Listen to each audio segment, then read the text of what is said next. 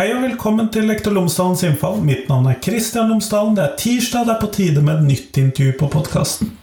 Denne uken så snakker jeg med Petter Di Presno Borten, som har jobbet med sommerskoler og leksehjelp, særlig for mennesker med kort botid i Norge, men også for andre. Særlig er dette knyttet opp mot yrkesfagene, men også her er det litt variasjon. Men her får du i hvert fall høre Petter snakke om eh, sommerskoletilbudet og hvorfor dette og leksehjelpstilbudet, hvorfor dette er så viktig å opprettholde i årene fremover inn i det nye fylket Vestland. Her får du intervjuet, vær så god.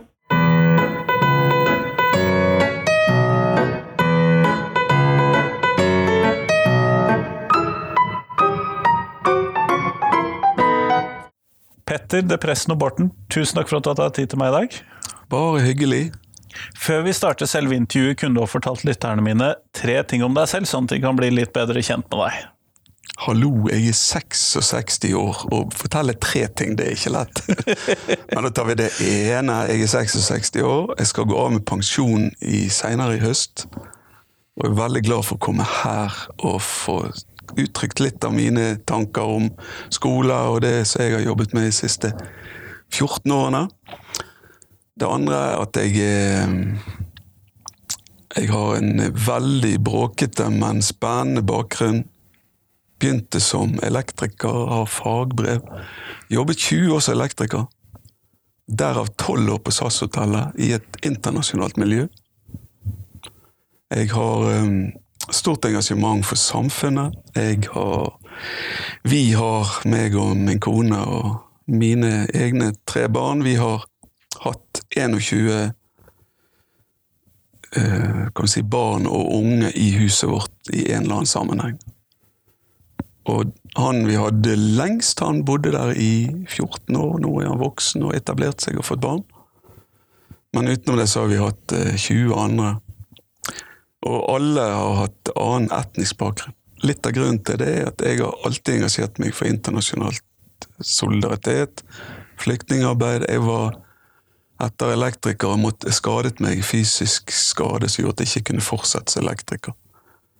Og har jobbet fem år som mottaksleder på asylmottak. På et av landets største, det var på Vestlandsheimen i sin tid. Og der sluttet jeg i 2005, var det vel, og begynte i Hordaland fylkeskommune i 2006. Ja, og det er jo den jobben vi egentlig skal prate om her i dag, men jeg hører jo det at mye har ledet fram til den. ja, det er sant. Eh, for hva er det som er jobben din i Hordaland fylkeskommune? Ja, I dag jobber jeg som spesialrådgiver på opplæringsavdelingen, og har ansvar for opplæringstilbudet for minoritetsspråklige inntil videre. Jeg skal snart over på Nav-midler, som jeg har spart opp i et langt liv. Du skal jo det. Men, og dere har noe, og det, her er det jo de, de, store spørsmålene, for her er jo jeg relativt ukjent med det dere har drevet med. og det Særlig denne sommerskolen. Kan du fortelle meg om den? For den har ikke jeg hørt om før. Nei.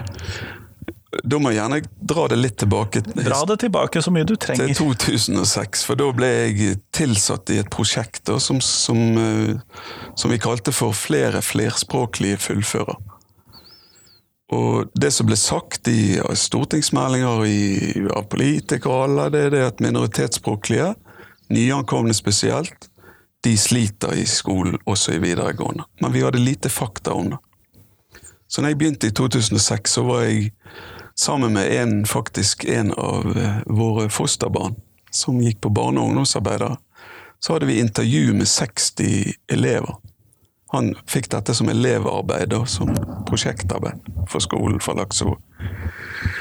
Og da var vi rundt og snakket med eh, mer enn 60 elever av ulik bakgrunn, som skolen skaffet oss. Og det var kjempeinteressant. Det var eh, og skremmende. For det, det jeg så da, som selv om jeg hadde bakgrunn for å jobbe med dette på asylmottak og ser hvor lang tid ting tar, så så jeg at det å tilegne seg norsk, og tilegne seg en norsk som gjør at du kan følge med i skolen, det tar mange år. Vi hadde blant annet én elev inne, og første spørsmålet mitt var sånn Hvor gammel er du? 16. Hvor lenge har du bodd i Norge? 16, selvfølgelig. Å ja, beklager, seg, for da, da hadde jeg gjort en feil fra skolen, for jeg ville helst ta de som var nyankomne. Og så sier han eh, kollegaen min, da, eleven som var med meg og intervjuet, han sier la gå, han har jo fått fri, kanskje, han, vi gjennomføre intervju med han? Og så, og så gjorde vi det, og det viste seg han hadde ingen norske venner, han snakket veldig dårlig norsk. Han spilte fotball med sin etnisk gruppe. Han gikk hjem fra skolen, snakket morsmålet sitt i hjemmet.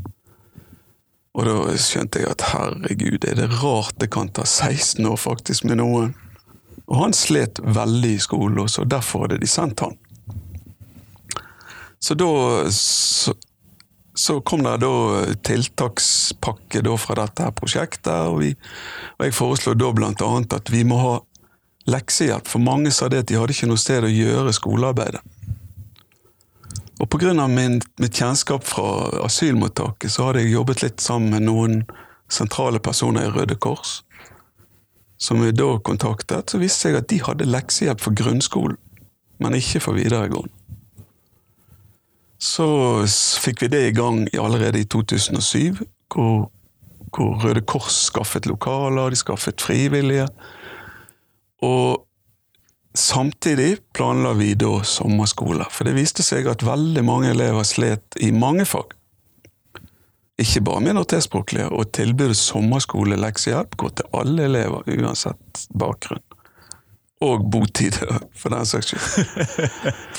så, så, vi startet opp da leksehjelp i, i flere, mange steder i fylket, har det blitt etter hvert. da. Ja, jeg så det fra rapporten din at det var ganske god spredning på hvor i, hvor i, fylket det var? Ja da, vi har mange steder i fylket. Og det er klart at det største er i Bergen pga. elevtallet her, da. Men det var faktisk Røde Kors sin siste rapport sa at det var ca. 2000 elever som har vært innom på leksehjelp i fylket. Og veldig mange sier det at de har ikke noe sted i hjemmet til å gjøre skolearbeidet. Eller de blir forstyrret av søsken, de blir de må gjøre huslige oppgaver, da det er bedre å sitte i fred og ro sammen med frivillige fra Røde Kors.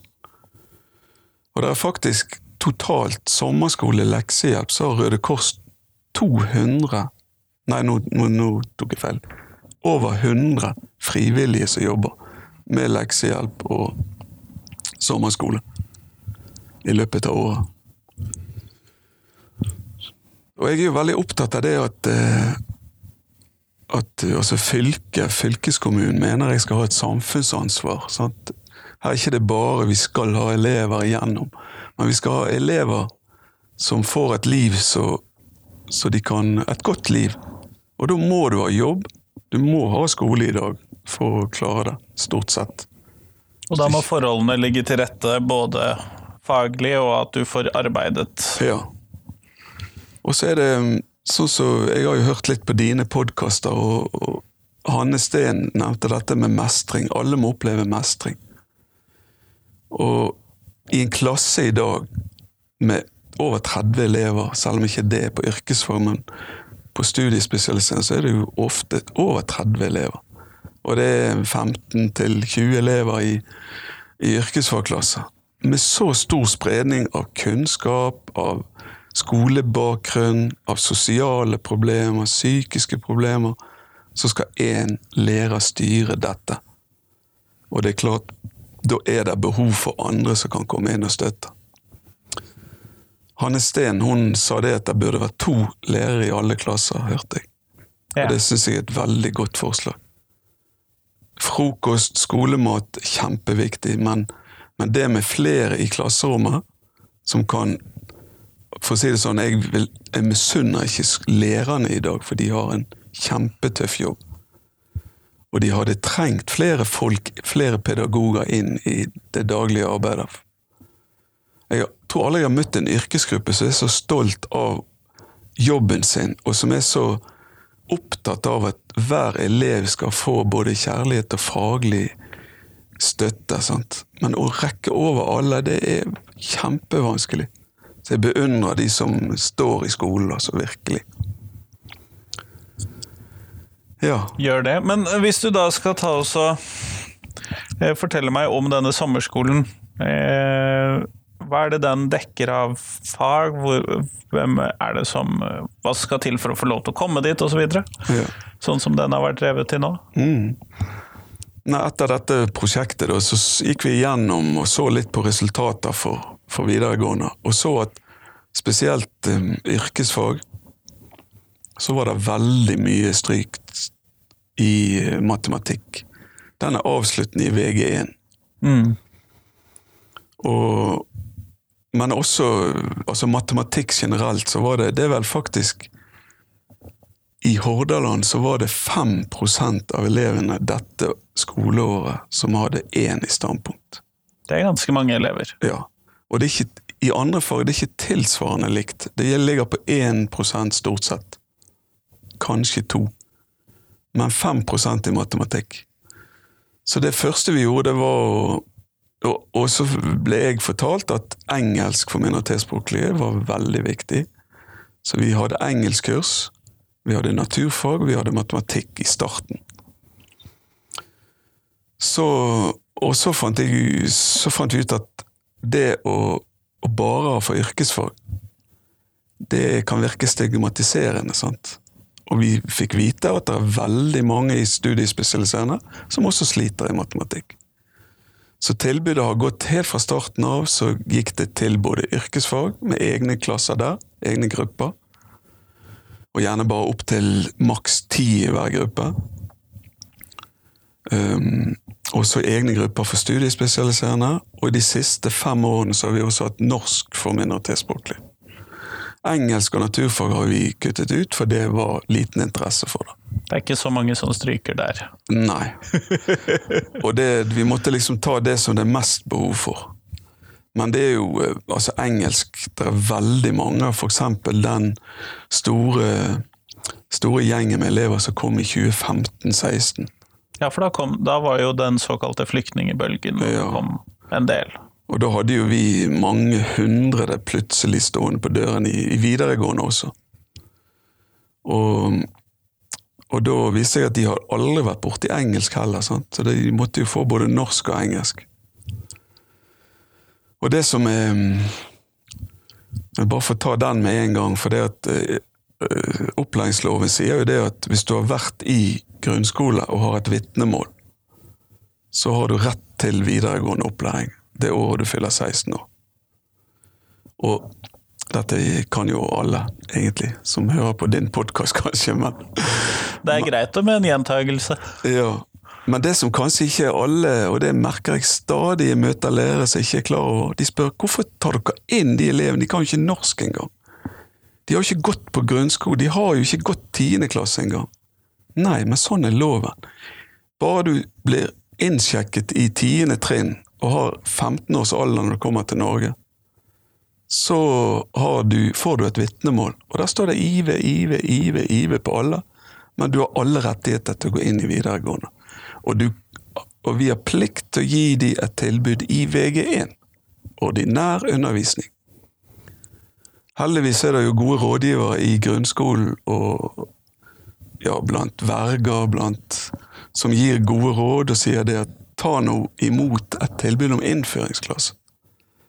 For det har vi bygget ut i hele Hordaland. Etter behov så bygger vi opp og ned, akkurat som flyktningstrømmen.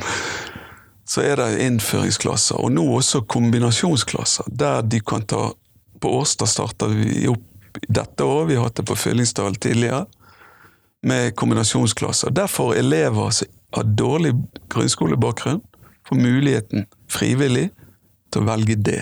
Da kan du ta ny eksamen fra grunnskolen i videregående skole. Og du får gå sammen med elever. og sånn som Vi har også halvparten av elevene på Årstad i kombinasjonsklassen kommer fra Nygård skole i Bergen, som er en grunnskole for voksne. Så det at hvis du kommer til Norge som 16-åring og ikke har gått 10. klasse i Norge, eller ikke i hjemlandet, så må du gå på Nygård skole og ta Der må du bestå fagene før du får komme inn i videregående. Og dette har vi sett i alle år. Jeg har jo et, stort nettverk av minoritetsspråklige elever som alltid har vært så misfornøyd med det å, kunne, å måtte gå på Nygård skole. Den gangen sammen med gjerne i samme klasserom som voksne, som sine foreldre. Istedenfor å gå i et naturlig elevmiljø for 16- 19-åringer. Sånn. At, og her får altså halvparten av elevene får gå på, på Årstad sammen med elever i samme alder. Og må ha eksamen fra grunnskole før de får VG1-tilbud. Men de kan gå der opptil to år hvis de vil. Så det, det er et veldig bra sånn integreringstiltak også, tenker jeg. For da får de Og skolen er jo Årstad er jo og Fyllingsdal er jo vant med at de har veldig mange med minoritetsspråklig bakgrunn. Og kan dette med integrering. Og de, de, de er litt fargeblind, for å si det sånn. Det blir du i et sånt miljø. Ja. Men da har man da funnet ut at det er disse, hovedsakelig disse fagene som da er behovet da, ute i Hordaland? Ja. Og så er reglene sånn at det er bare matematikk yrkesfag som er lokalgitt eksamen. Sånn at der har vi i alle år hatt eh, tilbud om eksamen, ny eksamen i matte. Og det har jo vært, eh, vært Ja, for da får dere lov til å lage en ny eksamen på slutten av sommeren, da? Ja, det vil si, det er ikke sånn det gjøres. Det bestilles, når det bestilles eksamen til våren, så bestilles det to sett med eksamener. Skjønner. Sant? For det, det skal være helt eh, Det skal ikke være noe fake, dette her. Altså. Det skal være ordentlige greier. Det skal ikke være en lett vei. Det skal være reelt. Sånn at um, Men det som er så fantastisk å se, det er det at uh, For det første, vi har tilbud for både elever fra Katten, fra Amalie Skram, fra Nordahl Grieg. Studiespesialiserende, dyktige elever som sliter med matte. Og de klarer ikke sine mål for en opplæring og for en, et yrke i fremtiden. Og, så de får også gå på sommerskole. De får to uker med mattekurs. Og for mange er det halleluja. Altså. De, de knekker koden. Og det er så altså Noen lærere kan jo føle det som en en hån. Her går de i flere år på videregående skole, og så kommer de på sommerskole og sier 'Å, jeg har knekket koden' etter to uker. Men det er noe med For det første, de lærer bare matte alle dagene i to uker. Og det er et konsept hvor de, der er frivillige inne. Du kan få én-til-én-undervisning i gruppen. Uh, frivillig for Røde Kors. altså Bare med sommerskole så er det 20, mellom 20 og 30 frivillige hvert år på de fem tilbudene vi har hatt. Og vi har jo på Stord, vi har, vi har hatt på Aske, den måtte vi legge ned pga. liten interesse. Vi har i Knarvik, eh, vi har i, på Fossane, som da er et tilbud for innsatte og, og folk som er på frigang. Og, ja, og i Bergen, og mange grupper i Bergen. Så i år så, altså, I løpet av disse Nei, så var det bare én ting til jeg vil si der. For det at eh, noen Det er jo politikere som bestemmer stort sett hva vi skal gjøre i det offentlige skoleverket. Og politikerne har alltid støttet dette her tilbudet om sommerskoleleksehjelp. Det har alltid, aldri vært spørsmål om det. Men noen stiller av og til ja, gode og relevante spørsmål. For eksempel, hvorfor skal vi bruke midler på elever fra Katten som er dyktige som er dyktige elever? Og der har du det sosiale aspektet igjen som jeg syns er så viktig. Det der å, å, ikke bli stigmatisert hvis du sliter i et fag. For det at på sommerskolen så kommer de sammen med og Det er så gøy første dagen. Så er sånn, sitter de og prater sammen, og så, og så må de presentere seg for hverandre og sånn. 'Jeg går på Katten.' 'Hæ? Går du på Katten? Hvorfor går du her på sommerskole?' Sånn. Hvis en elev fra yrkesfag eller en lærling. For det er også tilbud for lærlinger som ikke får fagbrev før de har matten. Ja, jeg har sett mange lykkelige sånne som, eh, som privatistsensor når de endelig får den toeren i samfunnsfag, eller Ja, vi kaller det kampen om toeren, dette. Ja. For du må ha det for å få fagbrev, du må ha det Det er de største smilene som privatistsensor, er den lærlingen med toeren. Akkurat. Og det som er så gøy, det er altså disse lærerne på sommerskolen de er ansatt av fylkeskommunen. Det er dyktige lærere som er ansatt i fylkeskommunen. Og tar dette som en to ukers ekstrajobb om sommeren i sin ferie. Kan du tenke deg en av fordelene med å være lærer må jo være en lang ferie. Men det sier bare noe om engasjementet, og de kommer igjen år etter år. Og når jeg ansetter de lærerne, så er det aldri spørsmål om hva er betalingen. Det er sånn, Når begynner vi? Hvor lenge var det på dagen? Kan jeg kombinere det med mine egne barn som har ferie? Altså, sånne ting. De er så dedikert. Og det er den gleden av å se at noen lykkes. Og nå har jeg talt opp, siden nå er det siste året jeg hadde sommerskole dette året. Nå har jeg hatt sommerskole i ledet den i 13 år. Og vi har hatt altså 1318 elever som har deltatt på sommerskole. Jeg syns det er kjempegøy å tenke på. Også. Og det har jo vært på sin nesten like mange frivillige, men det har nå ikke. Så har vi hatt matteeksamen, den matte, eneste matteeksamen vi får arrangere, den for yrkesfag. Der har vi hatt 521 som har tatt eksamen. Og 302 av de elevene har bestått. Det er nesten 60% Og det er klart at det hadde vært fantastisk hvis alle hadde klart det, men sånn er det bare ikke. Og så er det noe med at mange av disse elevene har gjerne vært innom, de som sliter mest i fagene, har gjerne vært innom oppfølgingstjeneste og PP-tjeneste. For dette er jo ofte elever som står litt i fare for å falle fra. Og... Ja, og gjerne strøket i flere fag. sant? Og så er det sånn at uh, du kan få fritak f.eks. til fagbrev for inntil to fag. Men du skal da vise det, det går ikke an å bare la være å komme på skole og få IV. Du skal vise. Du må ha en ener. Du må ha du må ha Du må vise at du faktisk har prøvd. ja, at du har prøvd. Og når du da i tillegg har gått sommerskolen, og kommer tilbake med papirer eventuelt på hva du har opplevd og hva du har Om det er noen traumer eller om det er øh, ja, skolevansker og sånne ting, så er det lettere å få innvilget fritak. Sånn at mange har klart det også i ettertid. Men du må vise innsats. Men du snakket om dette med at politikerne av og til lurer på hvorfor skal vi ha med de som går på gode skoler, eller de som går på disse høystatusskolene, og som tydeligvis har hatt gode karakterer ellers og klarer ja. seg stort sett greit. Men jeg tenker jo at et viktig element for disse politikerne å tenke på er jo dette her med tilpasset opplæring. At disse kanskje trenger noe mer enn det de trenger for i den vanlige undervisningen. Ja da, og da mener Tenker de vel, jeg som en viktig for politikernes del. Ja, klart det. Og det, det er klart, men så De tenker vel kanskje at dette bør skolen løse med de midler de har. sant? Men sånn er det jo ikke. Og som vi snakket om i sted, altså det, det, er, det er mange elever i hver klasse. Og gud hjelpe meg, det kan ikke være lett å komme over alle og hjelpe alle. Nei, det kan nok være en utfordring, særlig i en klasse med ganske stort sprik. Ikke sant. Men denne leksehjelpen som eh, også har vært en del av arbeidet ditt, ja. den går jo da gjennom hele året. Ja. Er den i alle fag, eller er den noe som eh, Ja, der er det elevstyrt. Altså, jeg trenger hjelp til. Og det på, altså I Bergen, da, som, eh, som, er de største, så har vi det på biblioteket to dager i uken. Og på Fellesverket, som det heter.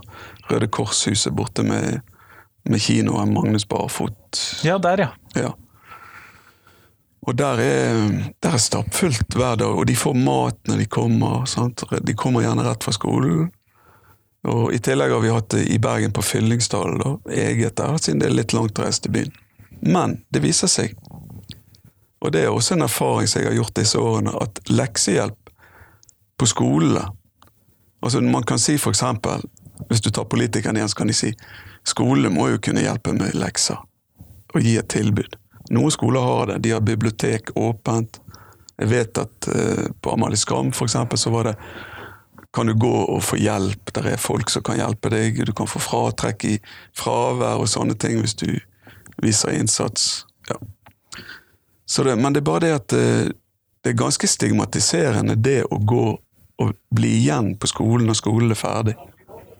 For alle ser at du er der, og alle ja. ser Pluss at det er det å komme i et annet miljø, komme blant veldig mange av de frivillige rekrutterte studenter. sant? Og, og, de har en annen tilnærming til stoffet, de har en annen måte å snakke på. Det, det er mye mer sånn kompisaktig enn de kan oppleves på skole. Sant? Og jeg har tro på det, altså. Og det ser jeg. Jeg har vært mye på leksehjelp og sett hvordan det fungerer. Og kommer du inn der, så er det sånn Du, kan du hjelpe meg? Er du ledig? Kan du hjelpe meg? sånn. Og det kunne nok sikkert hjulpet, men det var ikke akkurat derfor jeg var der. Men altså, se der, det er veldig, og de har jo veldig mye sånn innleveringer de skal jobbe med, og få hjelp til å tenke høyt. Og, så det, det er veldig spennende. Så jeg håper nå Nå er det jo nytt eh, Nå er det jo sammenslåing av to fylker. Og da er det jo et annet uh, regime, kan bruke det ordet. Men hvis du, skulle, Nye, ja. hvis du da skulle gjøre deg noen ønsker for Og det er vel kanskje Leksehjelpen eh, ligger jo som konsept ganske tydelig, egentlig. Men et, hvis du skulle ønske deg hvordan sommerskolen for nye Vestland skulle sett ut, hvis du kunne få lov til å bygge den opp i tankene uten å nødvendigvis tenke på budsjett og sånne Ja. brysomme ting. Ja. Eh, Hvilke tanker tenker du at er viktig da? For din etterfølger blir det jo da, siden Ja. du går av med pensjon. Nei, altså, jeg, jeg tenker jo også, Det er jo et kjempestort fylke med lange reiseveier. sant? Jeg tror hvis du skal 400 km fra topp til bånn, tror jeg det er. Ja. Det tar syv-åtte timer å kjøre, tror jeg, fra topp til bånn. Så det, at det, det som vi Faktisk i år allerede så prøvde jeg å få til et overnattingstilbud på Lindås, på, i campinghytta. Som Røde Kors, Nordhordland Røde Kors styrte. Og da, For det har vært klaget fra Austrheim, helt i nord sant, i fylket. De har lang vei til Knarvik. Det er jo to timer til byen for dem. Ja. ja, også til Knarvik er det ikke fullt så langt, men likevel. Hver dag så er det langt. Så da laget vi et tilbud der, og det viste seg at det, var ikke, det tar tid å innarbeide et sånt tilbud. Sant? Da skal du bo i, i en campinghytte sammen med andre. Med, i, ja, det blir jo bare ukedagene, sant? hjemme i helgen. Og det er ikke sikkert det er det som frister mest om sommeren. Sant? Da vil du ut med kompiser når du er ferdig på skolen. Så jeg hadde jo håpet vi kunne lage et tilbud også i Altså lage heller mindre tilbud. Der er Røde Kors nesten alle steder. Sant? Og der er frivillige som vil stille opp. Omtrent i hele nye fylket. Så, så det, må, det, men det er jo kjempejobb å bygge ut. Sant? Det er kjempejobb å holde i gang og administrere. Så det, Men tenker du at det faglige fokuset eh, sånn, på matematikk og da på norsk eh, skal fortsette hvis du ville lagt opp en ny ordning, eller ville du tatt inn andre fag også, eller hva tenker du der? Ja, jeg tror akkurat med den gruppen som går nå, så tror jeg jeg vil tatt inn igjen engelsk. Sant? For det, det, det er faktisk et fag du må ha til slutt, uansett. Yrkesfag eller Ja. Det er jo regnet som en av basisfagene. Og det. Ja, det er så. Og når du da ikke aldri har hatt engelsk før du kom til Norge, og har eh, en skole som kanskje sier eh, Nei, du må først lære norsk før du lærer engelsk. Noe som jeg mener er en feil. Du bør, Når du er ung, så lærer du fint flere språk samtidig. Så jeg tror virkelig at eh, at engelsk kunne vært, men matte kommer du jo ikke utenom. Og norsk må jo være litt etter behov. Nå er det jo veldig få nye som kommer, selv om det kommer en del på familiegjenforening. Så, så norsk, norsken trengs jo alltid. Det som er interessant også med sommerskolen, det er det at, at det er to uker av sommerferien. Og veldig mange minoritetsspråklige har kommet til meg og sagt kunne ikke vi ha to uker til? For jeg har ikke noe å gjøre på i sommer. Jeg får ikke sommerjobb. Det er veldig lenge å gå og vente til skolen begynner igjen. Ja, for sommerferien er jo ganske lang, særlig for de som ikke nødvendigvis har et aktivitetstilbud om sommeren. Ja, altså vi, vi som reiser mye på ferie og sånn, vi syns jo det kunne hatt enda mer ferie. sant? Men, eh, men veldig mange av de med minst midler, ikke bare minoritetsspråklige, men norske, de får ikke de tilbudene. sant? Og da blir det en lang sommer. Og kampen om sommerjobbene i, i Bergen er jo blitt helt håpløst, altså. Det er veldig få som får det. Og kanskje bare de mest ressurssterke, med gode kontakter. Sånn at eh, det med aktivitetstilbud om sommeren Jeg har en, en av mine fostersønner han driver et prosjekt som heter Alle skal med, som er med idrett. Så de har sommertilbud også. hvor flyktninger og innvandrere som ikke har midler, de får være med i idrett. Selv om ikke de har midler. Betalt av sponsorer som han samler inn. og sånn. Det er et kjempebra prosjekt. Sånn må vi ha mer av. Han har alltid et ukestilbud hver sommer. Så Så også det, var en ting som jeg tenkte på i forhold til det med, med frivillige, hvor viktig det er. Vi kan si, jeg Burde ikke skolene klart dette sjøl? For det første, du klarer ikke å ha to-tre assistenter inn i en klasse. Det har vi på sommerskolen. sant? Og ikke bare det, men når de begynner på sommerskolen, jeg har en liten velkomsttale og forteller hva dette er for noe, og hvem de er de med rød T-skjorte hvor det står Røde Kors på. Og da sier de, og da sier de, forteller jeg det at de er her frivillig. De gjør dette frivillig for deg, og det er de så imponert over. Og det at noen har lyst til å hjelpe meg, meg med å komme gjennom skolen, det, det, det inspirerer mange til, til å fortsette på sommerskolen. For det er jo selvfølgelig noen som detter fra i løpet av en sommer. Eksempel når ramadan kommer midt i sommerskolen for de minoritetsspråklige. Eller alle kompiser skal på sankthansfest, og sommerskolen begynner dagen etter, eller samme dagen. Ja, da er det ikke alltid like lett å motivere seg. Nei. Så du kjenner deg igjen? Ja. Jeg gjør det. Vi går mot slutten av podkasten, Ja. og da har jeg et fast spørsmål som jeg stiller til alle lytterne mine. ja. Og da lurer jeg selvfølgelig på hva skal ut av skolen, hvis du kunne velge? Oi. Pultene Nei. eh, Jo, men jeg, jeg kjenner eh, en del skolemennesker som virkelig vil bli kvitt pultene, så det vil ikke vært et dumt forslag. Nei, altså, jeg, jeg er jo Jeg har jobbet tett med produksjonsskolen. Eh, Forresten, hvis ikke du har hatt podkast om den, så bør du Jeg ha har hatt to episoder! Du har det. Beklager at jeg ikke har hørt alle 170 Det går helt fint. For det syns jeg er så spennende. For det er det at vi, vi har liksom en A4 i forhold til fag, sant. Og jeg forstår at Altså, skal du I dag skal du bli tømrer, så må du ha matte. Men den tilnærmingen til den matten Jeg sitter her f.eks. med oppgaven fra sommerskolen. Det var dessverre en god del som strøk. Oppgave én, en lang tekstoppgave. Og det krever at du har noen ferdigheter i norsk i tillegg. Ja.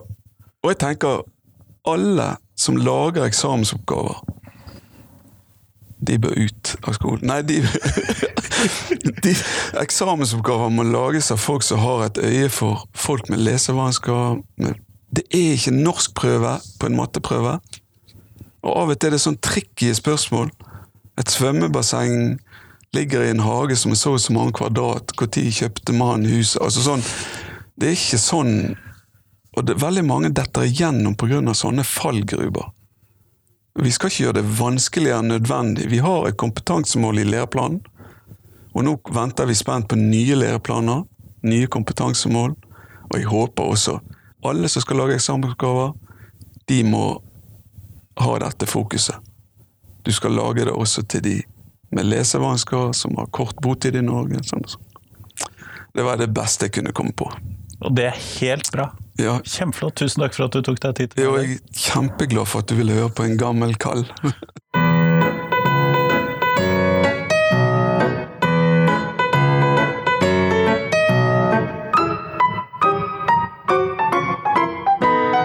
Tusen takk til Petter, og tusen takk til deg som hørte på. Nå er det en uke igjen til neste intervju på podkasten, og da får du høre Andrianne Skjold og Kristin Fagerheim som snakker om læreverket på høyden og skolerettet norskundervisning for eh, nyankomne. Men i hvert fall, fram til neste uke så håper jeg at du kan eh, dele podkasten min med noen. Da blir jeg veldig glad. Så får du ha en fin uke, og så høres vi igjen neste tirsdag.